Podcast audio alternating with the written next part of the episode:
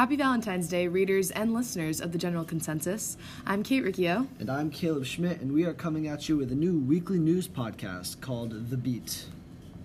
We're going to start this podcast off with a weekend weather update. All right, Kate, what do we got? Uh, it looks like it's going to be sunny at chilly this weekend with low winds, uh, and Saturday it's going to be in the 20s, but it'll get up to 40s on Sunday.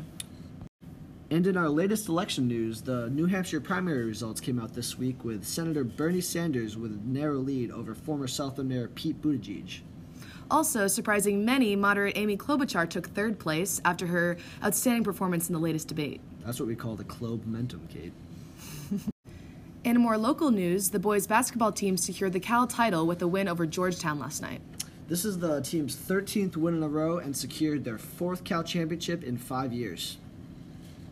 That's impressive. It seems yesterday was a big day for the regional, as many singers performed at the annual Hearts and Flowers concert. And with a record number of soloists, these singers did not disappoint.